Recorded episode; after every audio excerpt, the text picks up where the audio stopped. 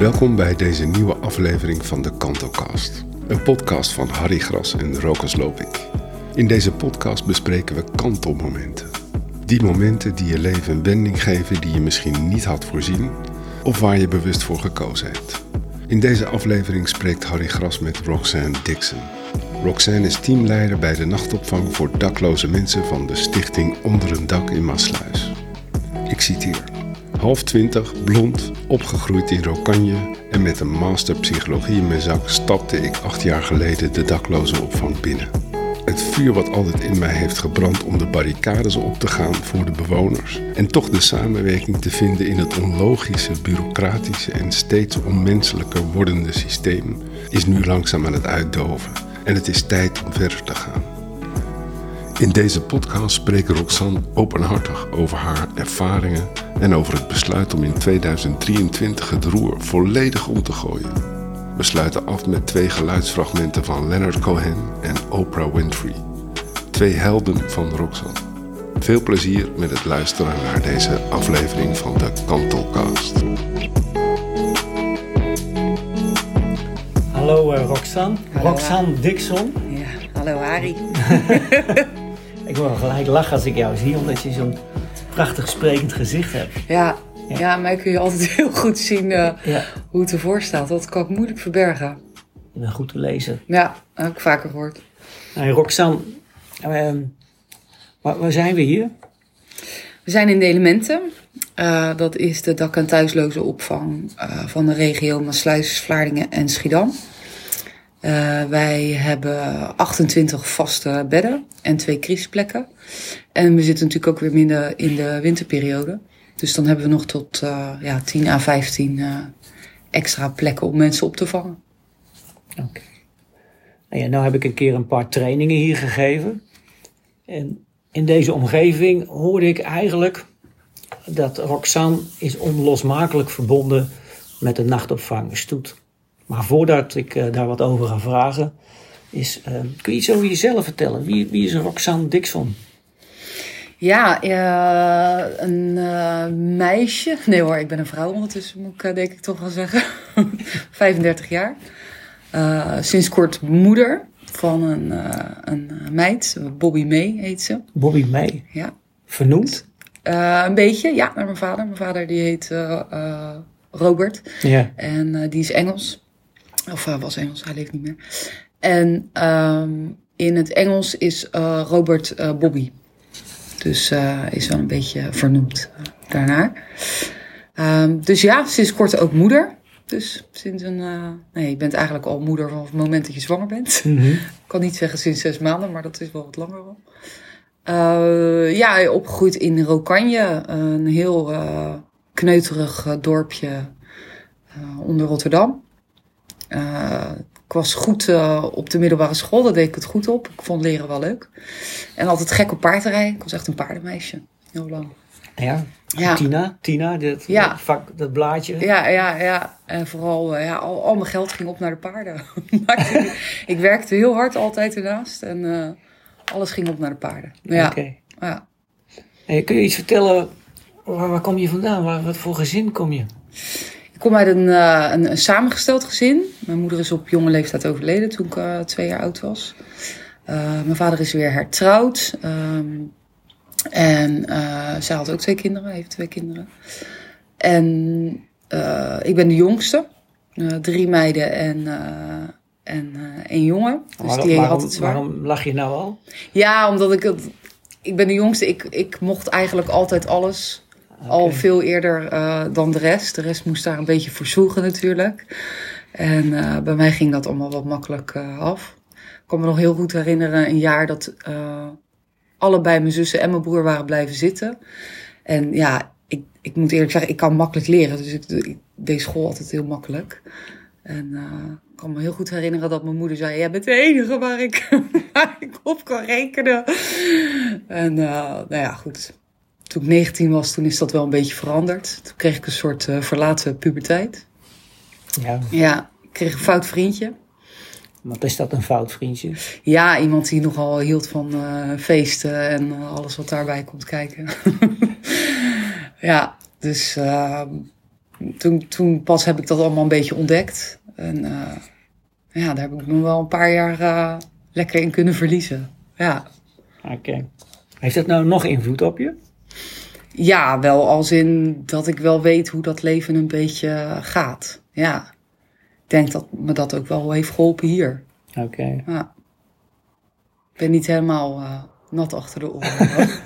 En je zegt een samengesteld gezin, hè? een soort bonusfamilie is dat, ik? Ja. Je had het over je, je moeder is jong overleden. ja. En je vader, wat deed je vader? Mijn vader eh, was zeeman. Ja, die was eh, marine surveyor. Dus die was eh, een groot gedeelte van het jaar eh, vaak op zee. Mhm. Dus mijn moeder die eh, deed het vaak alleen met vier kinderen. Wat ik overigens, zeker nu ik er één heb, heel knap vind. Ik denk heel vaak terug dat ik denk, jeetje, hoe heb je dat allemaal gedaan? Die ging gewoon eh, met de bus naar Spanje met vier kinderen. Dus, Oké, eh, wauw. ja, we waren wel zelfstandig, al Ja, ja. wel, vroeg.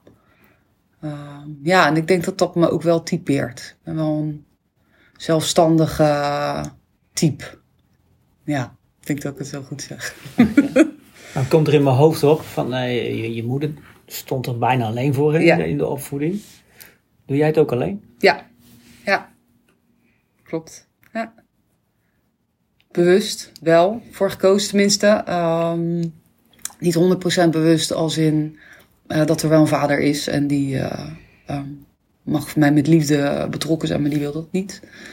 Eh, en dat wist ik wel vanaf het begin. Mhm. Dus ik heb er wel heel, veel, heel erg bewust voor gekozen om het toch eh, ja, alleen te doen. En als je nou eens terugkijkt, hè, je vader. Is, je, je vader leeft niet meer, of Nee, wel? die is acht jaar eh, geleden ook overleden. Oké. Ja. En hadden jullie een bepaald motto? Want het is een bonusfamilie, maar hadden jullie een bepaald motto in de familie?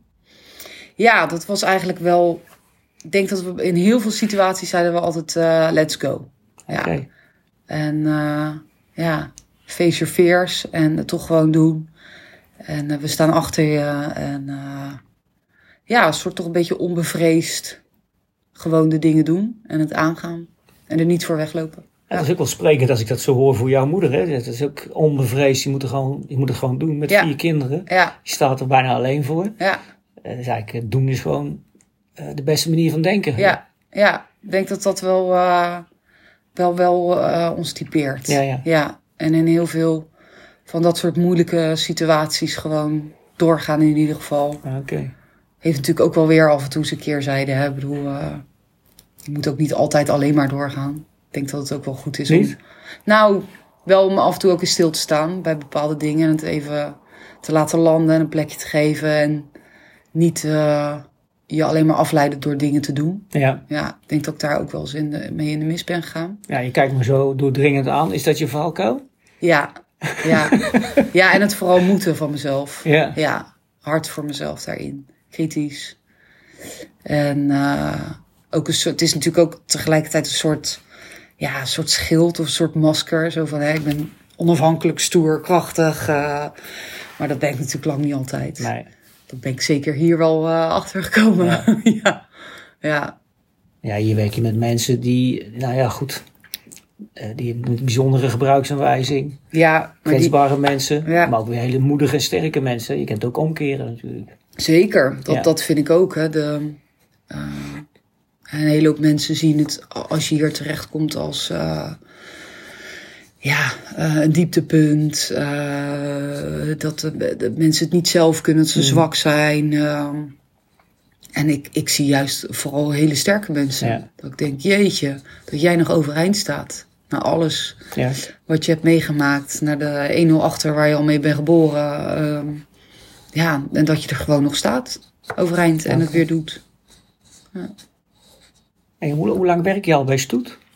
Acht jaar. Stoet is stichting, Stichting onder één dak. ja, Ja. acht jaar. En Ja. daarvoor? Daarvoor werkte ik op de universiteit. Ja. En ik heb ook altijd in de horeca gewerkt. Ehm, ja, ik eh, ben na mijn studie gewoon blijven hangen op de universiteit. Ik had geen flauw idee wat ik wilde gaan doen. Ik had zoveel jaar geen tijd besteed aan mijn studie en aan mijn hele toekomstbeeld. eh, dat dat een beetje naar de achtergrond was eh, geraakt. Ja. Dus eh, ja, en toen, nou ja, toen overleed mijn vader. ja. Dat was wel uh, het punt waarop ik dacht... Je aarzelt wat. Is dat, het, is dat een kantelpunt geweest in jouw leven? Ja, zeker. Ja, ja 100 procent. Ja, 100 procent? Ja, dat heeft heel veel um, shit naar boven gehaald. waar ik wel mee moest dealen op dat moment. Uh, wat ook helemaal niet uh, erg is, hè. Uh, maar dat was wel een hele zware periode, ja. En vanuit die zware periode ontstaat juist ook altijd, heb ik wel gemerkt, weer hele mooie dingen. Oké. Ja. Wil je er iets over vertellen? Hoe dat, dat zware moment was, kun je dat nog eens de dag van gisteren herinneren? Ja, nou dat was natuurlijk wel een, dat heeft zo zijn rouw zijn, zijn periode. Uh, maar goed, hij heeft de euthanasie uh, voor gekozen. Uh, daar waren wij met z'n allen ook bij. Dus dat was heel intens. En, en achteraf gezien ook behoorlijk traumatisch eigenlijk. Had ik niet zo verwacht, moet ik zeggen. Komt dat weer om de hoek kijken, denk ik. Ik dacht dat ik dat allemaal wel aankom. Mm -hmm. um, ja, en toen de dood van mijn moeder is daardoor denk ik ook een heel ander licht komen te staan. Um, waar ik eigenlijk geen bewuste herinneringen aan heb. Maar waarvan ik wel heb gemerkt dat het natuurlijk toch hè, diep in je persoonlijkheid uh, is gaan zitten. Um, dus dat, dat kwam op dat moment allemaal naar boven. Nou ja, daar, daar moest ik natuurlijk wel mee dealen. En daar heb ik ook wel wat jaartjes uh, therapie op zitten. Vind je het goed dat we wat in hapklare brokjes uh, opdelen? Ja. Want je noemt nogal wat, hè? Ja, ja. Wat maakte het zo intens? ja, wat maakt het zo intens? Um, ja, dat iemand er gewoon van, op, van de ene op de andere dag niet meer is. Dat is wel heel uh, heftig. Um, ja, dat je, dat, dat, je, dat je het leven gewoon ziet verlaten uit iemand. Dat was natuurlijk ook heel intens. Maar ook vooral wat ik, wat ik denk ik het meest heftige vond aan die euthanasie was dat je um, iedere dag je wist natuurlijk op een gegeven moment dat dat gepland werd. En dan iedere dag wist je dat, dat je weer een uur dichterbij dat moment kwam. En dus iedere dag als je wakker werd, dan dacht je, oh, oh nog twee dagen of nog drie. Dat is zoiets onwerkelijks. Dat, dat, dat kon ik echt met niks beschrijven. Met niks anders. Zo, zo raar was dat. Um, ja, dus dat heeft wel heel veel indruk gemaakt. Ja. Een tweede gedeelte noem je het was traumatisch. Ja, ja. En dat had ik niet door totdat ik um, in een BHV-klas zat van uh, dit werk. Ja. En toen ging die mevrouw, die uh, verpleegkundige, die ging nadoen hoe het klonk als iemand zijn laatste adem uitblies. En dat iemand soort van gaat gaspen, weet je wel. Mm -hmm. En het was niet dat mijn vader dat op dat moment echt deed. Maar het feit dat zij het alleen al nadeed, zorgde bij mij voor zo'n lichamelijke sensatie dat ik gewoon die klas uit moest rennen. Want ik, ik, ik, ik hapte gewoon helemaal naar de lucht. En dat gebeurde op dat moment ook. Toen, toen kreeg ik ook een soort hyperventilatieaanval. Dat, dat heb ik nog nooit uh, meegemaakt. En toen merkte ik ineens dat dus zonder dat ik daar dus met mijn gedachten bewust een verbinding uh, een, een, een, verband zag, mm -hmm. dat mijn lichaam dat verband dus wel al had gelegd. En dat dat al reageerde voordat ik me bewust was van wat er nou eigenlijk gebeurde. Ja. En het klinkt ook een beetje, maar je moet zeggen of het wel of niet klopt, dat je lichaam het had opgeslagen. Ja, zeker. Ja. Ergens in het ruggenmerg, ik weet het niet, ja. of waar dan ook. Ja. En dat er in één keer, boem, en Ja. het komt naar boven. Ja, en het was ook een keer toen ik. Uh, uh, mijn vader liep altijd in van die. Die was best wel dik. en Ja. die liep altijd in van die hele grote witte t-shirts. s ochtends. En toen zag ik op bij Goede Tijden. was er een eh, scène dat er een man ook in, in het ziekenhuis lag. Een wat dikkere man ook met zo'n groot wit t-shirt. En weer zo'nzelfde hyperventilatieaanval kreeg ik. Ja, dat was zo vreemd. Ik was me wel meteen bewust van waar dat vandaan kwam. Maar. eh, Hoe is dat dan voor het meisje waar je net mee begon? Hè? Je begon je verhaal met het meisje, waarbij het motto eigenlijk is let's go. Hè? Eh, Niks Ja. vrezen, we, we gaan ervoor. Dat dat opeens, Ja. dat je lichaam spreekt. En dat, dat, hoe, hoe, dat is toch een enorme klap, dient dat, Ja. dat geweest, hè? Ja, zeker. Ja, dat, was, dat, dat, dat zette me even met eh, tien stappen achteruit. Ja. Ja. dat ik echt dacht, hé, hey, wat gebeurt er? Ja. en ik had ook helemaal geen uh, behoefte aan contact verder met andere mensen. Ik was heel erg uh, in mijn eigen schroep. Ja, ja. Het heeft wel even een paar jaar geduurd. Het derde stukje zeg je, je had naar adem. Ja. Raakt dit je of niet? Ja, tuurlijk raakt ja, het me. Ja, zeker. Ja. Maar ik ben wel al, ik realiseer me dus wel dat ik het, dat ik het nu wel na zoveel jaar kan vertellen zonder dat het me helemaal de adem beneemt. Ja, oké. Ja. En het derde, dat vond ik ook mooi. Want je zei dat al heel mooi. Het, uh, ik moet me zeggen of, het, of ik het goed herhaal. Uh, de dood van mijn moeder, daar is een ander licht overheen gekomen. Ja. Ik heb het anders hè, gaan zien. Ja. Hoe, hoe ben jij het anders gaan zien? Want dat betekent eigenlijk dat het, trauma ook nog eens positief heeft uitgewerkt misschien. Ja, dat, dat, dat, daar geloof ik sowieso wel in. Dat dat het uh, um, effect heeft. Uiteindelijk. Hè, op zo'n moment als je daar middenin zit kun je dat niet zien. Maar achteraf zie je ook wel wat het, wat het je brengt. Um, ja, ik heb daardoor me wel gerealiseerd dat ook dat verdriet en verlies natuurlijk opgeslagen ligt in mijn lichaam, mijn ziel, hmm. mijn, mijn emoties uh, op al die lagen. Ja. ja. Maar daar kon ik met mijn bewuste herinnering niet bij.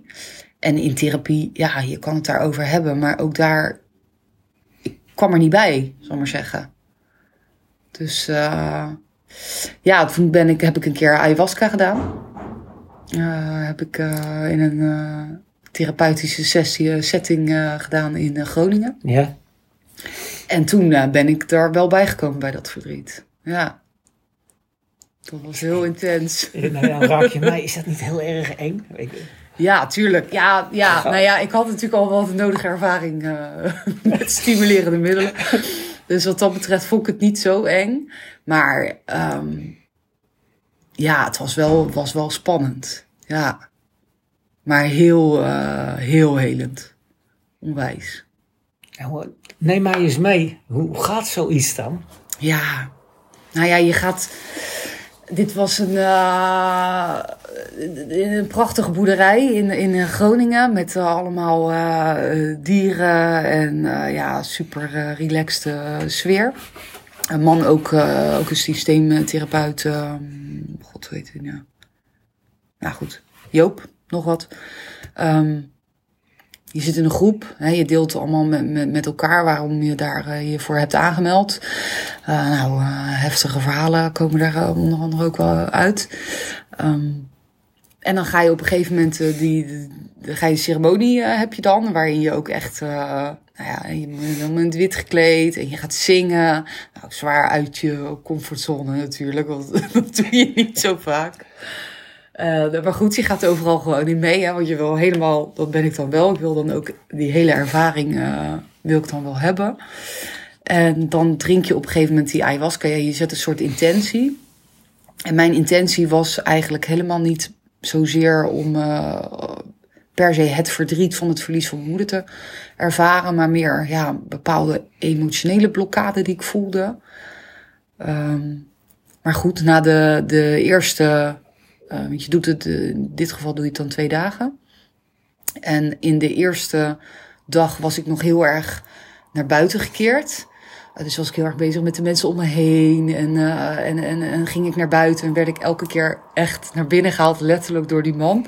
Die zei, hup, naar binnen op je matje. En ga met jezelf aan de slag. Weet je, ik was veel te veel naar buiten gekeerd. Um, nou ja, te veel dat, dat is ook gewoon een onderdeel van mij, mhm. denk ik. Dat ik dat ook gewoon heel interessant vind. Um, ja, dus tijdens die eerste, elke keer alles wat er uh, gebeurt in je lichaam, zal maar zeggen, in je geest. En uh, dat geeft je meteen een soort inzicht. dus ik, ik kreeg als eerste een beeld van een vriendin van mij met een met een brilletje had ze vroeger en sproetjes. En zij haat foto's van zichzelf van vroeger. Die, die wil zij nooit zien. Dan zegt ze, oh, ik zag er toen niet uit. En, en ik zag haar zo voor me en ik kreeg meteen zo de realisatie van, oh ja, wat wordt nou, wat is dat punt in je leven waarop je zelf bewust wordt als kind? Weet je wel, je hebt een, als kind denk je vaak van, nou, alles kan en alles is mogelijk en uh, vind je jezelf helemaal niet lelijk of dik of weet ik veel. En dan komt er ineens dat punt dat je je bewust wordt van hoe andere mensen jou zien. Mm -hmm. En dat realiseerde ik me toen heel erg van, oké, okay, wat was nou dat punt? Nou, dat soort dingen gebeurden allemaal die eerste, eerste trip, zal ik maar zeggen. En dan ga je dat de volgende dag weer bespreken. Je praat ook met elkaar. En uh, dat was ook heel bijzonder, want dan geef je elkaar ook heel veel inzichten.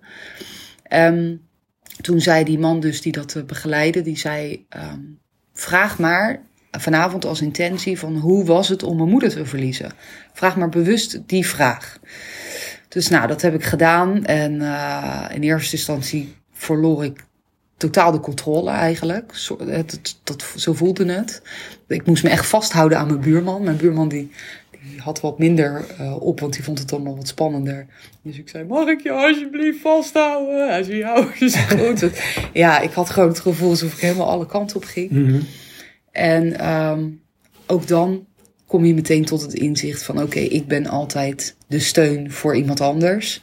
Wat als ik nou eens een keer hulp nodig heb, aan wie klamp ik me dan vast? Weet je wel, dat, dat soort dingen. En toen um, ja, heb ik geloof ik anderhalf uur lang uh, met mijn moeder liggen praten. En dat kan ik me dus niet meer bewust herinneren wat ik dan heb gezegd. Maar ik weet wel dat ik, het, dat ik aan het praten was met haar. Dat ik er heel lang niet had gezien. Dat ik er heel veel uh, wilde vertellen. En dat uh, mijn buurman zei dat ook. Hij zei, ik, ik was gewoon een beetje jaloers op jou. Hij ah, zegt, okay. je lag zo lekker te kletsen. Want ik lag dus blijkbaar hardop ook te praten. Ook dat er gewoon mensen naar me toe kwamen die zeiden van, dan kan het wat, uh, wat stiller. dat ik gewoon hardop lag. Uh, helemaal zo. En daarna kwam het enorme verdriet. Ja, het echt, uh, echt intens verdriet. Ik had denk ik wel een dag kunnen blijven huilen. Hm dat, was, dat, dat liet ik zo de vrije loop en dat was ook wel heel fijn. Ja, het ruimde echt op. Dus uh, ja, het was een hele, hele intense ervaring. Ja. Het, is ook, het klinkt ook, en ik, ik, ik, weet niet hoe dat allemaal gaat, hè, maar je vertelt het heel mooi.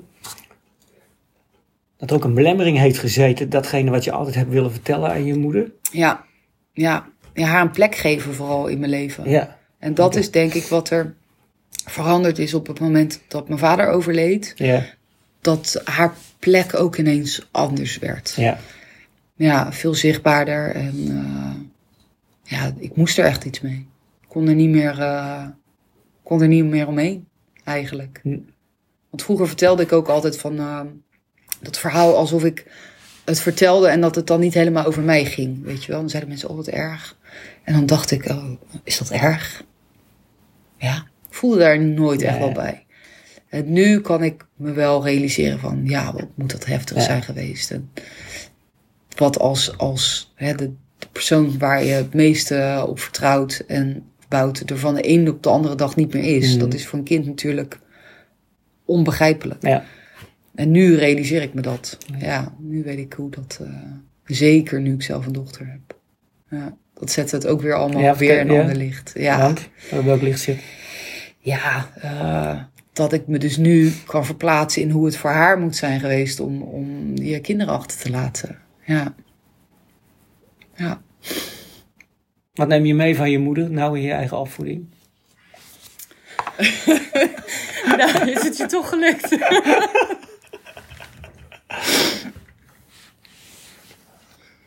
ja. Um, wat neem ik mee? Ja, dat, zolang ik leef, zal ik maar zeggen dat ik er altijd zal zijn. Ja.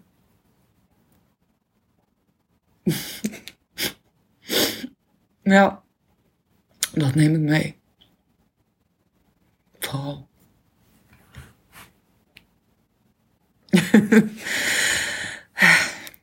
ja. Dus uh, meerdere kantelmomenten in mijn leven eigenlijk. Kan je wel zeggen. Ja, en dat is ook helemaal oké. Okay. Ik heb uh, de schatten daarin uh, wel gezien. Ja. Ja. Zo'n kleine brug slaan. Het is mooi om te zien hoe jouw lichaam spreekt. Ja. Zal ik vertellen waarom? Nou. Het begon een heel klein beetje hier te kleuren. Ja.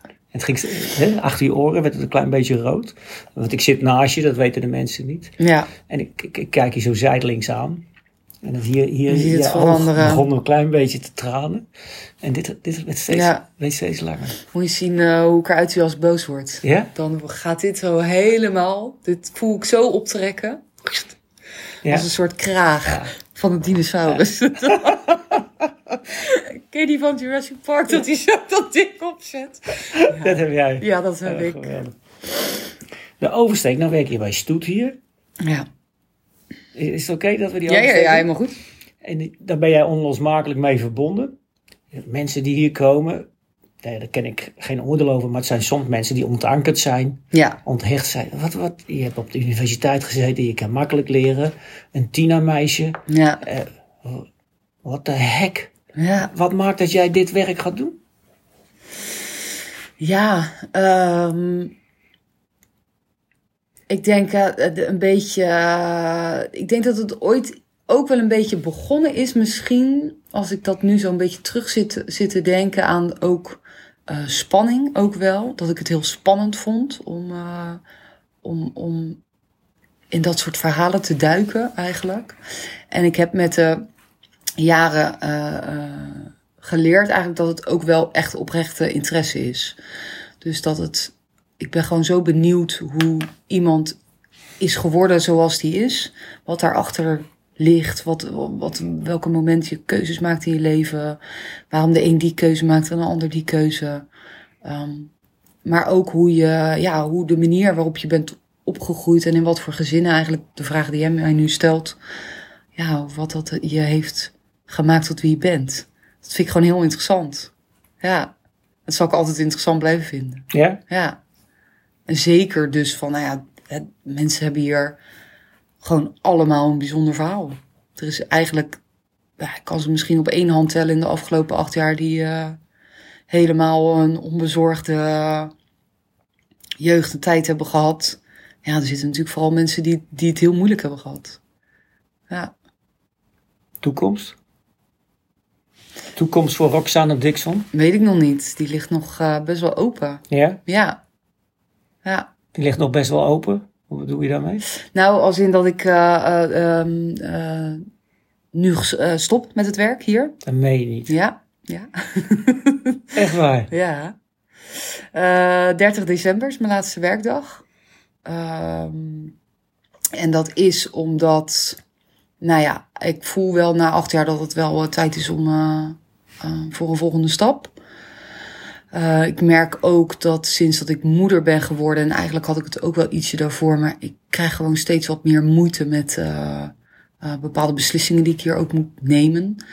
En ehm, met de dingen waar ik tegenaan loop in het hele. Maar je zegt het weer lekker politiek en tactisch. Ja. Bepaalde beslissingen. Nou, dat zeg ik, nou eens gewoon concreet. Dan Ja. ben jij toch... nou dat, ik, dat ik mensen soms echt op straat moet zetten en moet weigeren. En dat ik het heel hard moet spelen soms om dingen voor elkaar te krijgen dat andere partijen dingen gaan doen. En dat eh, ja, wordt, vind ik steeds moeilijker eigenlijk. Misschien word ik een beetje soft. Misschien is dat het. Ja, zou dat, is dat soft? Dat je mensen moet weigeren? Kun je het, kun je het niet meer aanzien? Nee, ja, ja, ja. Ik, ik zou het misschien nog wel kunnen aanzien een tijdje, maar dan gaat het ten koste van mezelf. Ja. En ik, en ik voel dat ik te veel energie verlies nu op het werk dan dat ik er nog van krijg. Ehm, en die balans is er een beetje uit. Ja. Zegt dat iets over jouw mensvisie? Dat je het niet meer kan aanzien? Dat je mensen moet weigeren? Dat je mensen moet op, op straat moet laten slapen? ja, ja, ik denk dat het wel. ehm, mijn moeder noemde me vorige keer gekscherend een beetje een, een hippie. Maar ik, eh, ja, ik geloof wel dat, dat, dat hoe het nu gaat in, in de maatschappij, hoe individualistisch het allemaal is. En zeker wat betreft eh, zorginstanties, eh, hoe iedereen zo zijn stukje afbakent. Dat dat heel, en er zoveel mensen tussen wel een schip vallen. En dat is wel diep treurig om te zien. Ja, dus dat zegt wel iets, denk ik, over Ja. eh, hoe ik er naar kijk. Maar ook, ja, wat betreft de maatschappij. En ik voel niet meer. Vroeger voel- voelde ik heel erg het vuur Om dan echt uh, daarvoor te strijden en de barricades op te gaan. En uh, om dat allemaal aan te tonen. En ja, dat voel ik steeds wat minder. Oké. Okay. Ja. Wat is jouw droom? Mijn droom? Wat is jouw droom, Roxanne? Je gaat weg. Je gaat een beetje... Ja, je weet nog niet wat je gaat doen, hè? Nee, nee. Maar heb jij een droom dat je denkt van, ah, dat... Stel, dat, stel Ja. dit of stel dat. Ja, als ik, als ik echt mag dromen, dan, Dat mag. ehm, dan zou ik eh, heel graag op een eh, boerderij willen wonen. Ja. En dan, wat ik heel erg heb gemerkt hier, was dat, dat daardoor is dat idee eigenlijk ontstaan. Is dat er een aantal mensen niet binnen in de opvang wilden komen, omdat ze nog voor hun dieren eh, moesten zorgen. En er waren mensen die sliepen liever buiten op straat met hun hond, dan dat ze hier naar binnen moesten en een hond ergens moesten afstaan. Eh, en dat kan ik me heel goed voorstellen. Ik heb ook een hond die eh, jaren al mijn soort van eerste kind is. Ja. En toen heb ik altijd gedacht, hoe mooi zou het zijn als zij die dieren ergens kunnen onderbrengen. Dat de mensen hier gewoon hun traject kunnen volgen, maar dat ze overdag wel voor hun dieren kunnen zorgen. Zodat zij makkelijker hun traject volhouden, dat ze weten dat hun dieren goed zitten. Um, en ja, ik dacht, dan heb je een veel grotere kans van slagen dat dingen lukken met mensen. Uh, dus toen, daar heb ik heel erg over nagedacht. Van hoe mooi zou het zijn als je zo'n plek kan bieden. Ja. Dus dan heb je en dat mensen een dagbesteding hebben. Uh, die beesten worden verzorgd. Dus ze kunnen zich focussen op hun traject. Ja, en, en om dan een soort van een beetje een community-achtig iets te bouwen. Ik zie dan helemaal voor me dat de, de gepensioneerde hulpverleners langskomen en dan een workshop ergens over geven. Of uh, samen lekker met iemand in de moestuin gaan werken. Of uh, een, een, een kippenhok timmeren, dat soort dingen. Dus dat je een beetje ja, een soort gemeenschap hebt waarin iedereen eigenlijk welkom is. Dat zou ik het allermooiste vinden. Oké. Okay. Ja. Oké, okay, Roxanne. Wat een verhaal. Nou hè. En om, het, om het af te sluiten, hè? want je, je, je benoemt nogal wat dingen. Hè? Een beetje in een, een kleine 25 minuten is het nou geloof ik, of een half uurtje. Is, is, is er nou iets, iemand, een idool of een muziekstuk of wat dan ook, of een toneelstuk, wat heel betekenisvol voor jou is en waar ze jou eigenlijk gewoon s'nachts om 12 uur zo voor het bed uit kan halen? Ja, oh nou ja. Uh, als het dan niet voor eten is, want dat mag ook. Ja. ja. ja. ja. Uh, een muziekstuk, ja, ik, ik, ik vind uh, Leonard Cohen erg mooi. Ehm, daar zitten wel een aantal hele rake nummers in, daar zijn we wel wakker voor kunnen maken. It's gonna be September now, for many years to come. Every heart adjusting to that strict September drum. I see the ghost of culture with numbers on his wrist salute some new conclusion that all of us have missed. So let's drink to when it's over, and let's drink to when we meet. I'll be standing on the corner where there used to be a street. En ja, een van mijn grote idolen is uh, Oprah, toch wel. Ja? Ja. Daar, dat vind ik zo'n enorm inspirerende vrouw. Hoe die haar uh, weg heeft uh, afgelegd en ja, ja, daar... daar... Heb, heb, je nog een mooie aftiteling, wat, wat zij zegt voor deze podcast? Wat Oprah Winfrey zegt? Ja, zij zegt altijd dat niets, niets is toeval. Dus toeval bestaat niet, zegt ze eigenlijk. Ja, dat vind ik altijd wel mooi. The universe speaks to us always. First, in whispers. And a whisper usually in your life feels like, hmm, that's odd. Or, hmm, that doesn't make any sense. Or, hmm, is that right? It just really feels like that. It's that it's that kind of subtle.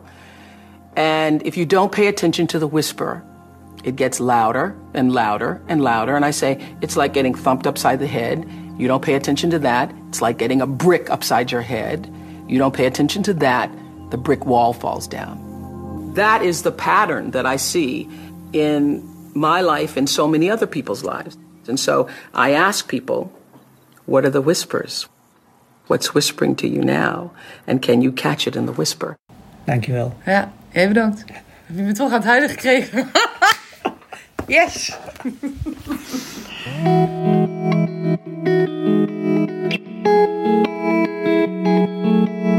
Bedankt voor het luisteren naar het bijzondere verhaal van Roxanne. We wensen haar alle succes bij het najagen van haar dromen.